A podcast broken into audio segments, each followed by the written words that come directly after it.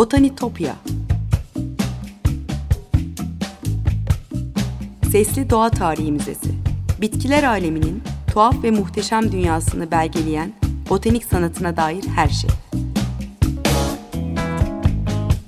Hazırlayan ve sunan Benan Kapucu.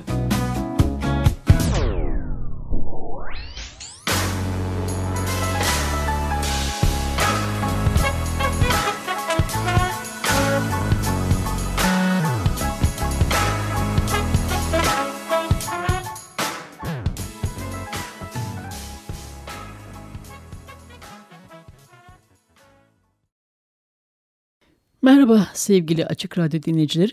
Botanitopya'ya, bitkiler aleminin tuhaf ve muhteşem dünyasına hoş geldiniz. Anlatıcınız ben Benan Kapucu. Sosyal medya hesaplarım, e, onu hatırlatayım. Twitter ve Instagram hesaplarım var. Botanitopya adlı. E, buradan yorumlarınızı, görüşlerinizi paylaşabilirsiniz. botanitopya.gmail.com'da e-mail adresim. E, programda değindiğim kimi konuların özetlerini, görsellerini paylaşıyorum. Yine size hatırlatmış olayım.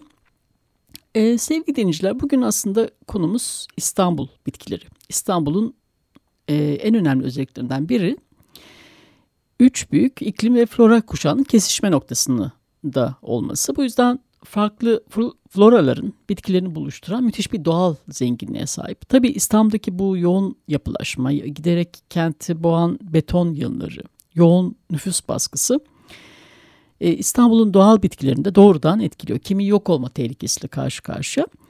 E, mikrofonun ucunda, diğer ucunda bir konuğum var bugün. Orman Fakültesi Orman Botaniği Anabilim Dalı Başkanı ve Çekül Yüksek Danışma Kurulu üyesi Profesör Doktor Ünal Akkemik. Ee, İstanbul'un doğal bitkileri konusunda bir farkındalık da yaratabilecek çok değerli çalışmaları var. Ee, Çekül Vakfı yayınlarından çıkan İstanbul'un Doğal Bitkileri kitabı da e, görselleriyle detayları bir araya getirmesi açısından, bütün bu bitkileri e, bir araya getirmesi açısından çok önemli bir çalışma. Ve bu alanda da bir ilk.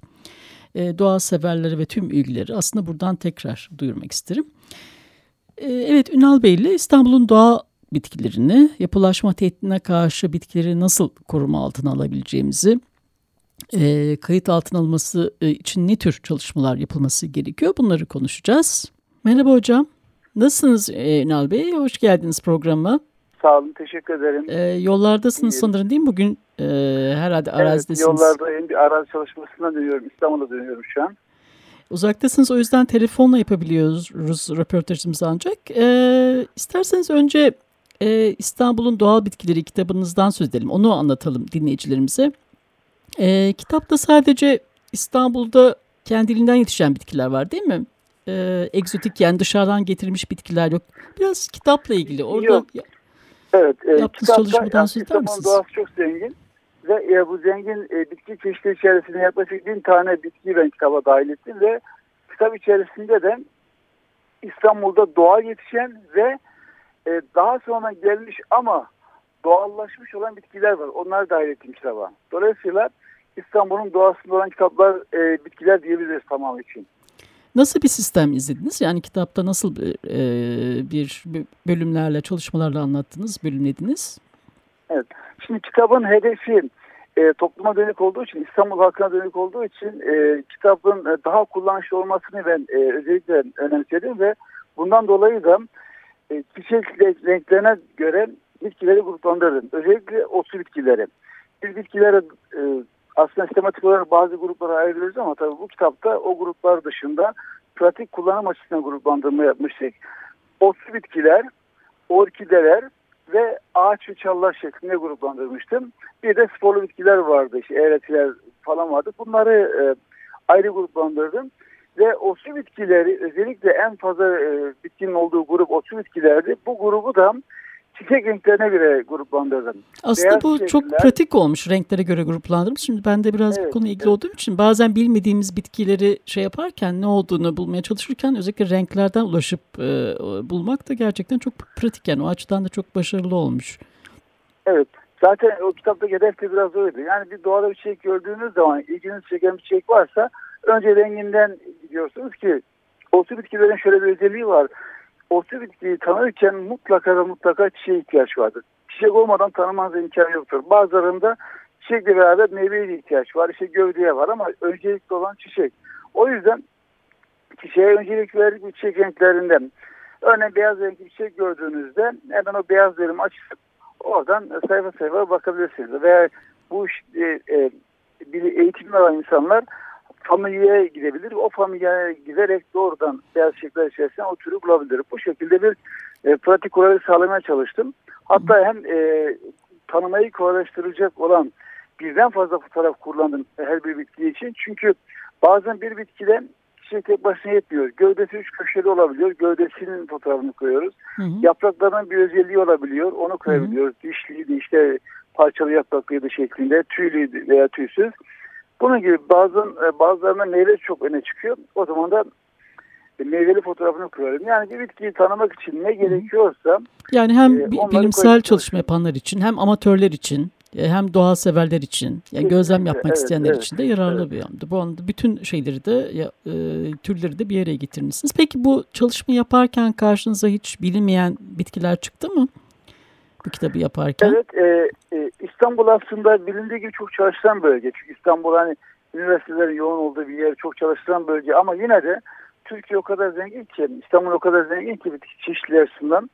Bu çalışma sırasında Elmalı Barajı Havzası'ndan Türkiye'de varlığı bilinmeyen e, en yakın Bulgaristan'da kayıt olan bir bitki bulmuştum. O bitki sarı çiçekli bir bitkiydi ve e, bu kitap çalışması esnasında onu ayrı bir makale olarak önce yazdık. Yeni bir kayıt olarak Türkiye için yeni bir bitki kaydı şeklinde sonra da e, kitaba dahil ettim. Böylece bu kitap kapsamında yeni bir tür e, çıkmış oldu. Böyle İstanbul'da yani daha detaylı çalışmalar yapıldığı Hı -hı. zaman e, sanırım yeni şeyler çıkabilir yine. İstanbul'un aslında bu kadar zengin e, olmasını sağlayan şey bulunduğu herhalde özel iklim koşulları değil mi? Ya da flora, farklı flora kuşaklarının ortasında olması. E, onu evet. da özellikle belirtir, belirtmişsiniz zaten kitabınızda. Evet. Aslında İstanbul'da e, bitkiler için e, en önemli e, ihtiyaçlardan bir tanesi tabii ki yeterli sıcaklık, yeterli nem ve aşırı e, iklimlerin olmaması. Yani e, ne aşırı sıcaklığı var ne aşırı don olayları var. ılıman da iklimi var. Bu il, ılıman iklim İstanbul'un çok bitkiler için yaşanabilir olmasını sağlıyor. Ve bir de e, sizin de belirttiğiniz gibi üç iklim ve flora bölgesi var Türkiye'de. Karadeniz kuşağı, Orta Anadolu karasal kuşağı, biz ona İran Turan flora bölgesi Hı-hı. diyoruz. Karadeniz Hı-hı. kuşağını Öksin Koşuk kuşağı diyoruz. Hı-hı. Bir de Akdeniz kuşağı var. Bunların e, etkilerinin e, çakıştığı yerlerden biri de işte İstanbul. Ve İstanbul'un e, hemen güneyine indiğiniz zaman karşınıza Akdeniz çıkıyor. Kuzeyine gittiğiniz zaman Karadeniz çıkıyor. Yani biraz Beykoz'da çıktığınızda mesela değil mi? Biraz Karadeniz iklimi hakim belki. Yanlış bilmiyorsam evet, o taraflarda. Işte, e, kuzeyinde Karadeniz iklimi hakim. Güneye indiğiniz zaman Akdeniz hakim. Orta bölümlerde hafif karasallık olabiliyor. Dolayısıyla e, bir de İstanbul'un şöyle bir özelliği var. Bitki e, göç diye bir olay vardı. Yani e, büyük iklim olaylarının yaşandığı işte iklim değişikliği dediğimiz buzul çağları, çok büyük buzul çağlarında bitkiler soğuk dönemlerde e, kuzeyden güneye doğru, sıcak dönemlerde de güneyden kuzeye doğru e, çoğalıyorlar. İşte bu çoğalma, yayılma e, anlamında İstanbul bir göç yolu üzerinde e, göç yolunu temsil ediyor ve dolayısıyla ılıman havasından dolayı göç yolu olduğu için buradan geçen tüm bitkiler, burada yayılan bitkilerin hemen hepsi e, burada e, iklimiyle tabi uygun olduğu sürece burada kalıyor. Ve bundan dolayı ki İstanbul'un alanı çok küçük. Örneğin Türkiye'ye oran, oranladığımız zaman Türkiye'nin 147'de birine denk gelen bir alanı var ve bu alan içerisindeki bitki çeşitliliği Türkiye florasının yaklaşık dörtte bir yani 2500 civarında hmm. değişik bitki var İstanbul'un doğasında. Bu çok, çok önemli Doğal şey. bitki olarak.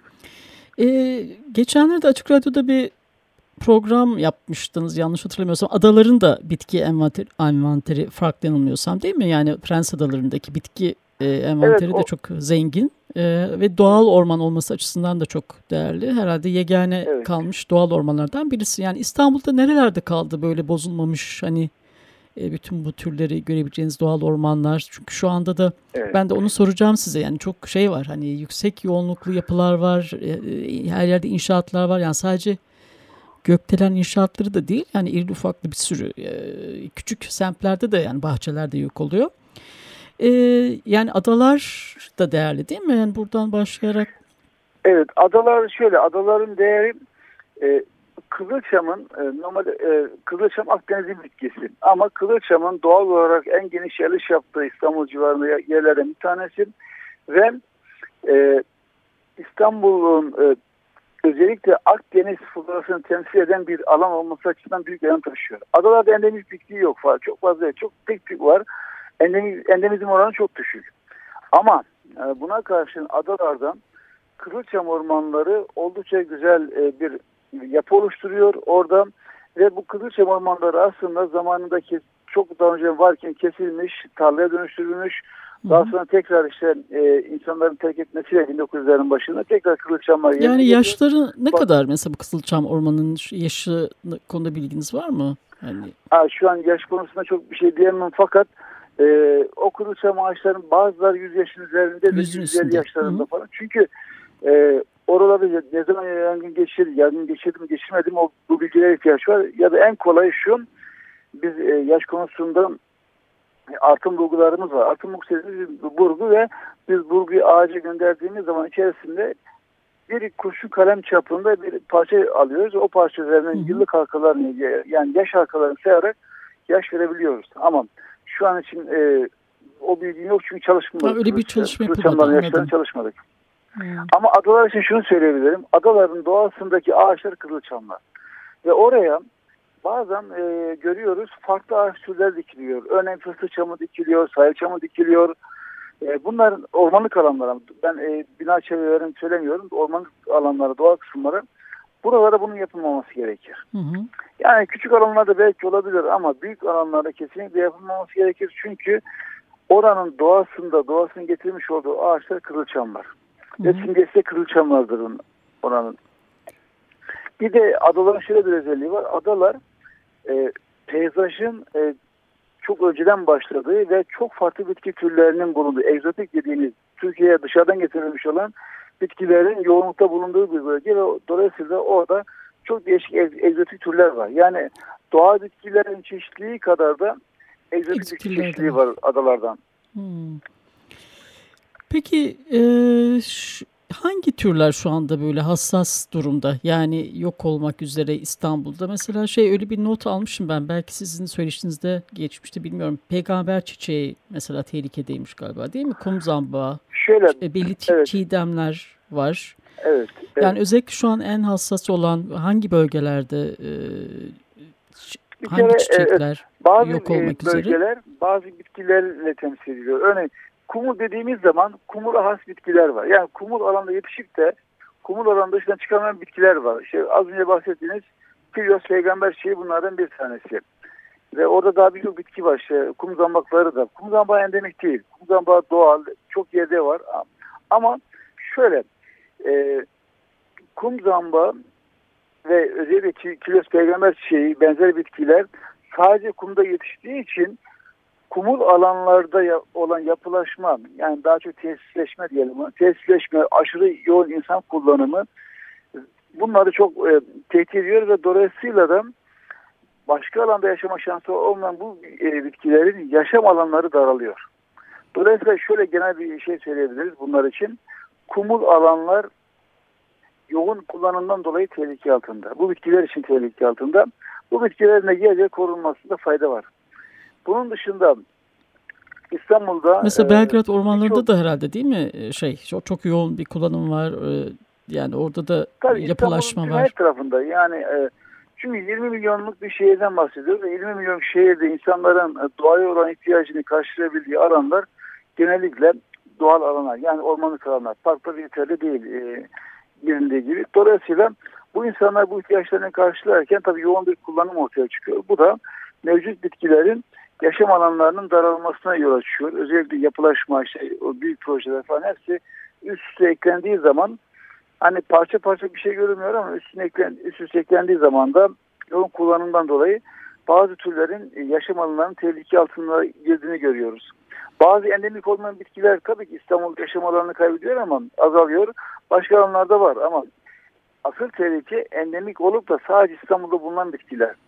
Dolayısıyla bunların e, yaşam alanlarının daralması demek bunların artık çok daha e, tehlike sınıfının artması anlamına geliyor. Aslında belki Örneğin, bu konuda bir farkındalık yaratılması gerekiyor değil mi? Yani ya da bu konuda bir önlem alınması lazım. Belli kurallara e, dayandırılması gerekiyor. E, yani, yani konuda... şöyle e, tabii ki yapılaşma olurken ve herhangi bir şey yapılırken ÇED raporu diye bir rapor alınıyor ama bu raporların Yani ÇED raporu bu ölçekte bir şey veriyor mu? inceleme yapıyor mu? Yani bitki işte, ölçeğinde. E, sorun orada. Verilmesi, vermesi gerekiyor. ÇED raporunun hedefi o zaten. ÇED raporları o e, faaliyetin yapılacağı alanda ne var ne yok her şeyin ortaya konulmasını e, gerektiriyor. Fakat e, ÇED raporlarının hazırlanma süreci, süresi veya işte hazırlanma biçimine baktığımız zaman çoğu şey gözden kaçıyor. Örneğin bir ÇED raporu kışın hazırlanacaksa, yani kışın bir faaliyet yapılacaksa 3 ay içerisinde ÇED raporu hazırlan dediği zaman kışın bitki yok ki oradan. Çalışacak bölgede bitki yok. Hepsi baharda çıkıyor, yazın çıkıyor. Dolayısıyla kışın orada yapacağınız şey sadece literatüre dayalı bir bilgi ve literatür bilgisi de e, İstanbul veya başka bir herhangi bir yerde noktasal bazı değildir. Hı hı. Aram bazı. Demek ki İstanbul'da işte şu bitkiler var. Ama neresinde var? Ha, anladım. işte yani ölçeğin demek ki biraz daha e, ona göre yapılması lazım. Yani noktasal Tabii, yapılması çok gerekiyor. Noktasal. Yani chat raporu nereye ilgilendiriyorsa o alanda çalışmak gerekir ki mutlaka bir bizim e, kriterimiz şu bir vejetasyon dönemidir bu.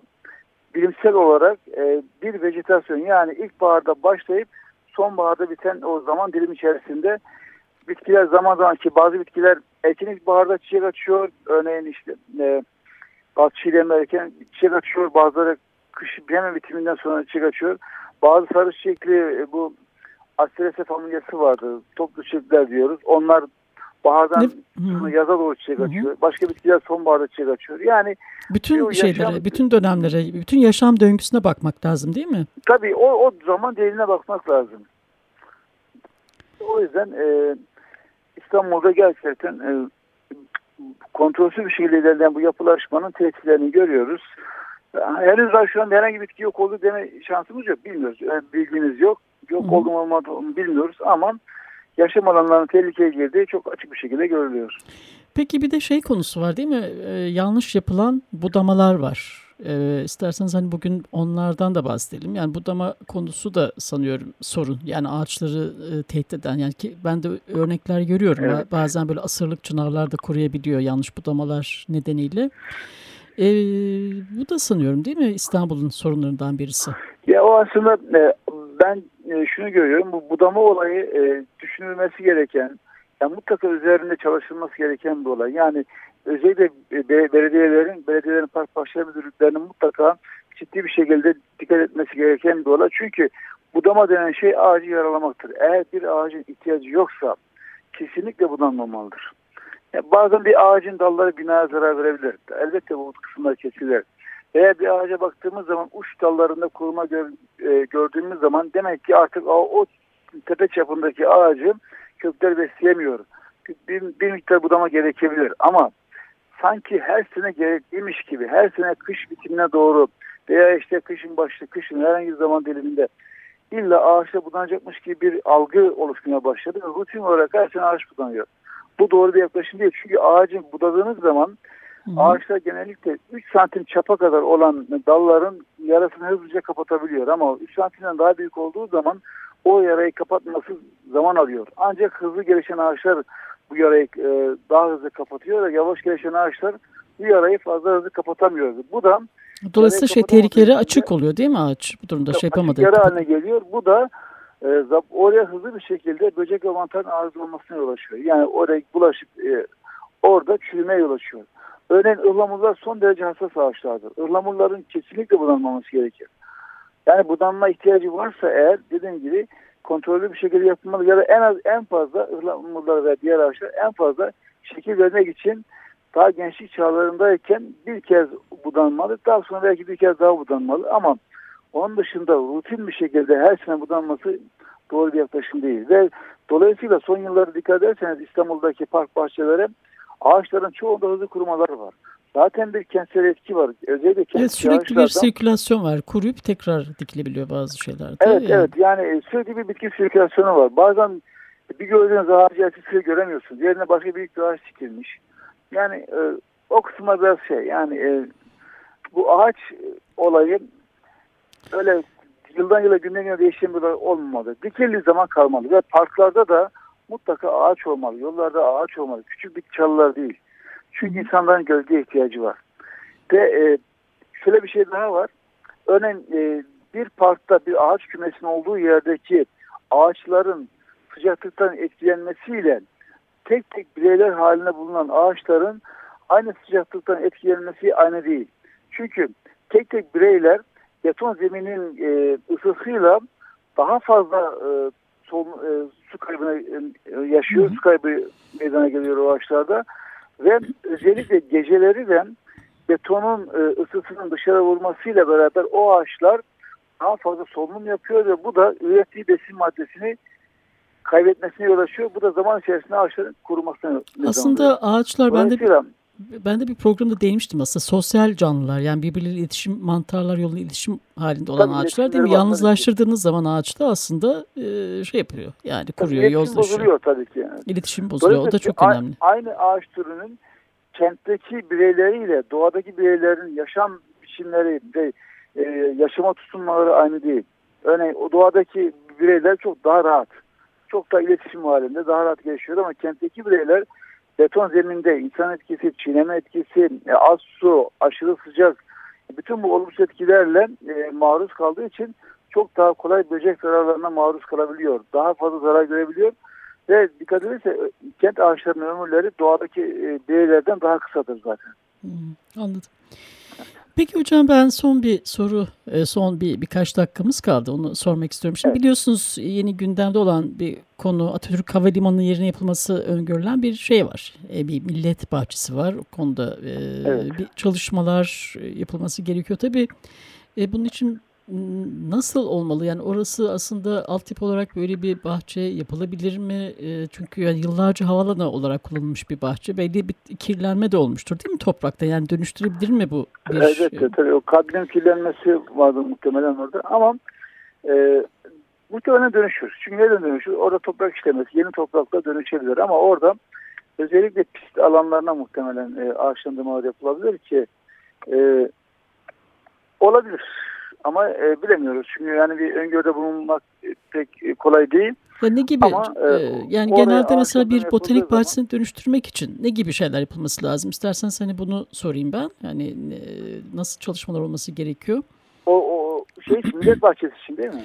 Yani işte evet büyük bu, bu kapasitede, bu büyüklükte bir bahçe oluşturulması evet. için e, mesela nasıl çalışmalar yapılması lazım? Nasıl bir planlama yapılması gerekiyor aslında? Uzun soluklu bir proje Vallahi değil mi? O konuda tabii ki ben bir peyzaj mimarı değilim ama hı hı. E, ben sadece birkaç öneride bulunabilirim. O, oralarda e, bir kere insanların e, ağaca ihtiyacı var, gölgeye ihtiyacı var ve e, hızlı büyüyen, bu ekosisteminde çok rahat gelişebilen, e, kimisi kışın yaprağını döken, kimisi de herde meşil e, olan ağaçlardan e, karma bir e, alan yapı, bahçe yapılabilir. Büyük bir park yapılabilir oraya. Zaten orada bir sürü binalar, tesisler var. Ben onu yıkılacağını pek düşünmüyorum ama onun dışında açık olan kısımlara bunların yapılması hı hı. gerekli ve e, bunun için de e, orada mutlaka toprak işlemen, gerekse toprak takviyesi mevcut toprağı olmaz zaten. E, hı hı. Aşırı bir betonlaşma var zaten orada. Sıkışma var, kirlenme var. O yüzden... Ve tabii doğru ağaçları yan yana getirmek e, onların iletişimi sağlamak. Olmalı. Yani ağaç grupları olması. Çeşitlilik hani yaratılması değil mi? Bir tane kayın değil ağaç grupları ve mümkünse de doğal ağaçlarımız hatta şunu da önerebilirim. Ee, örneğin bir, bir kıyaslama yaparak söylemek istiyorum bunu. Selanik sokaklarında, Yunanistan Selanik sokaklarında doğu çınarı var. Yani bizim bu ülkenin doğal ağacı. Ama biz sokaklarımızda Londra çınarı var. Hmm. Selanik sokaklarında e, Anadolu sığla ağacı var. Bizim endemik türümüz. Ama bizim sokaklarımızda Amerikan sığla ağacı var. Hmm. Dolayısıyla yani oraya bizim doğal ağaçlarımız getirilebilir. Hatta orada belirli e, yürüme güzergahları olacak muhtemelen. O güzergahlar boyunca o kısımlarda örneğin Çınarlı yol, Ihlamurlu yol, Dişudaklı yol, ya endemik olan şey Sığla yolu veya işte endemik olan bir meşemiz var meşe yolu. Yani bunun gibi hani anlamı olan, bir konsepti olan, hı hı. insanlara ağaç sevgisini aşılayan, Türkiye'nin doğal zenginliğini gösteren ve endemik kavram nedir, endemik nedir? Bu, bunun gibi kavramları gösteren, aşılayan e, konseptler olabilir. Evet harika. Hocam çok çok teşekkür ederim programa katıldığınız için. Bu yoğun zamanınızda bana zaman ayırdığınız için e, yoldayken, arazideyken çok ben, çok teşekkür ederim. Yine başka bir ederim. programda başka bir konuyla tekrar buluşmak üzere. E, çok çok teşekkür ederim. Teşekkür tekrar ederim. görüşmek Hoşça dileğiyle. Hoşçakalın. Hoşçakalın. Evet sevgili dinleyiciler, e, Botanitopya'daki keşif yolculuğumuz bu hafta buraya kadar. E, tekrar sosyal medya hesaplarımı hatırlatayım. E, Botanitopya adlı Twitter ve Instagram hesaplarım var. botanitopya.gmail.com adresinden bana ulaşabilirsiniz. Yorumunuzu ve görüşlerinizi paylaşabilirsiniz. Tekrar görüşmek üzere. Sevgiyle ve doğayla kalın.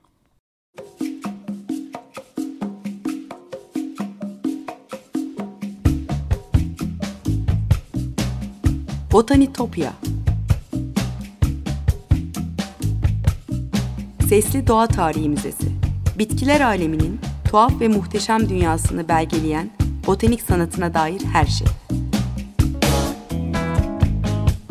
Hazırlayan ve sunan Benan Kapucu